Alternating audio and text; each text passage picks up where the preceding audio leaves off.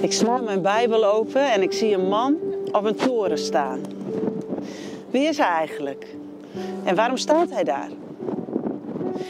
Hoe oud hij is, ja, dat weten we eigenlijk niet. Misschien had hij wel jouw leeftijd.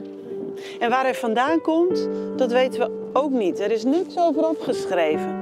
Was het dan misschien niet bijzonder genoeg om op te schrijven? Was hij maar een gewoon mens zoals jij en ik? Wat we wel weten over deze man, is dat hij leefde met God. En alleen daarom al is het de moeite waard om naast hem op de toren te gaan staan. Hij leefde in een tijd als profeet en hij keek om zich heen. En dit is wat hij daarover zegt. Ik zie alleen maar verwoesting en meer geweld. Ik zie opkomende twist, ruzies. Ik zie groeiende tweedracht, polarisatie. Het komt me eigenlijk wel bekend voor wat hij zegt. De wet wordt ondermijnd en de wettelozen verdringen de rechtvaardige. Het recht wordt verdraaid en deze man laat zich raken. En hij bidt tot God, Heer, wanneer komt u ons verlossen? Wanneer gaat u ingrijpen? Wanneer gaat het weer beter worden? En God antwoordt op zijn gebed. En weet je wat God zegt? God zegt, het gaat eerder moeilijker worden dan makkelijker.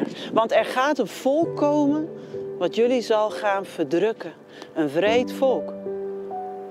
Eigenlijk het tegenovergestelde van waar de profeet om bidt, is wat hij als antwoord krijgt. Wat zou jij doen? Wat doe jij als het eerder moeilijker wordt dan mooier? Als het eerder zwaarder wordt dan makkelijker. Als dat waar je zo op hoopt niet is wat jij krijgt. Denk je dan nou laat dan maar? Met God en zo? Of ga je het aan en blijf je God zoeken? Deze man blijft God zoeken. Hij blijft aanhoudend God zoeken. Hij blijft in dialoog met God. God heeft gesproken en nu wil hij weer spreken. En hij wil dat respectvol doen. En hij wil dat liefdevol doen. Maar ook eerlijk. En dit is hoe hij zijn reactie naar God toe begint. Hij zegt, ach maar Heer, u bent toch van ouds mijn God, mijn heilige.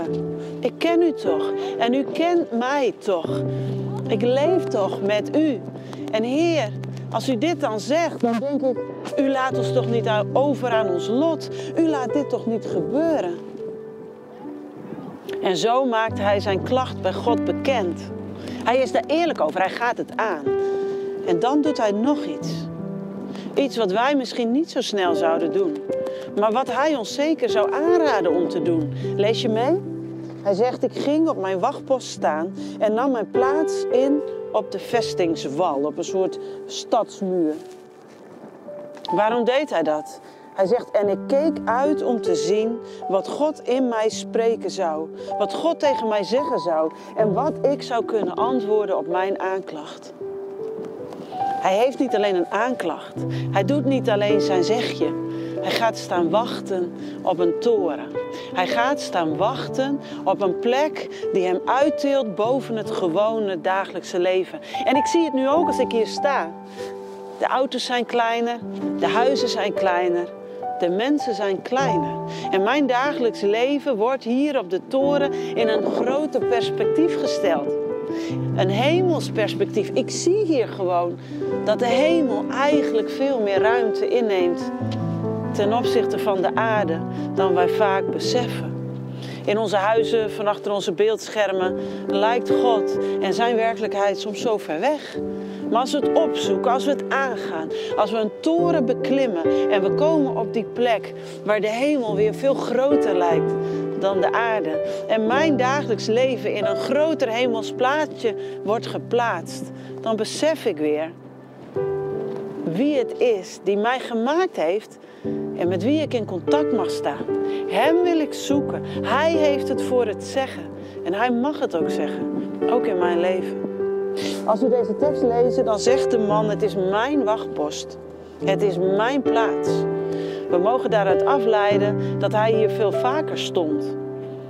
Dat hij zo vaak hier was. Het was een vertrouwde plek voor hem om hier juist God te zoeken en uit te zien wanneer God zou komen. En kwam God? Ja. Maar wanneer? Dat wist deze man van tevoren niet. Hoe lang hij hier al staat, we weten het niet. Hoe lang hij hier nog moest staan, dat wist hij ook niet. Maar hij bleef staan, vastberaden, tot het moment dat God opnieuw zou spreken. En God ging opnieuw spreken. En hij zei: schrijf het maar op. Het is een profetie voor iedereen die het lezen wil. En God spreekt over dat na die moeilijke tijd ook weer een betere tijd zal komen. Waarin de aarde vol zal zijn van de grootheid van God.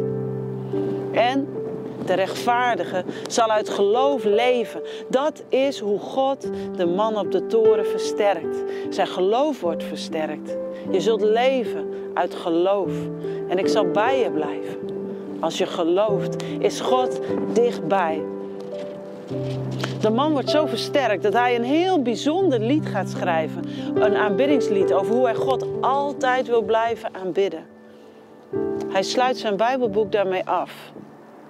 Het is de moeite waard om zo meteen, als je dit gehoord of gezien hebt, nog eens erbij te pakken en op je in te laten werken.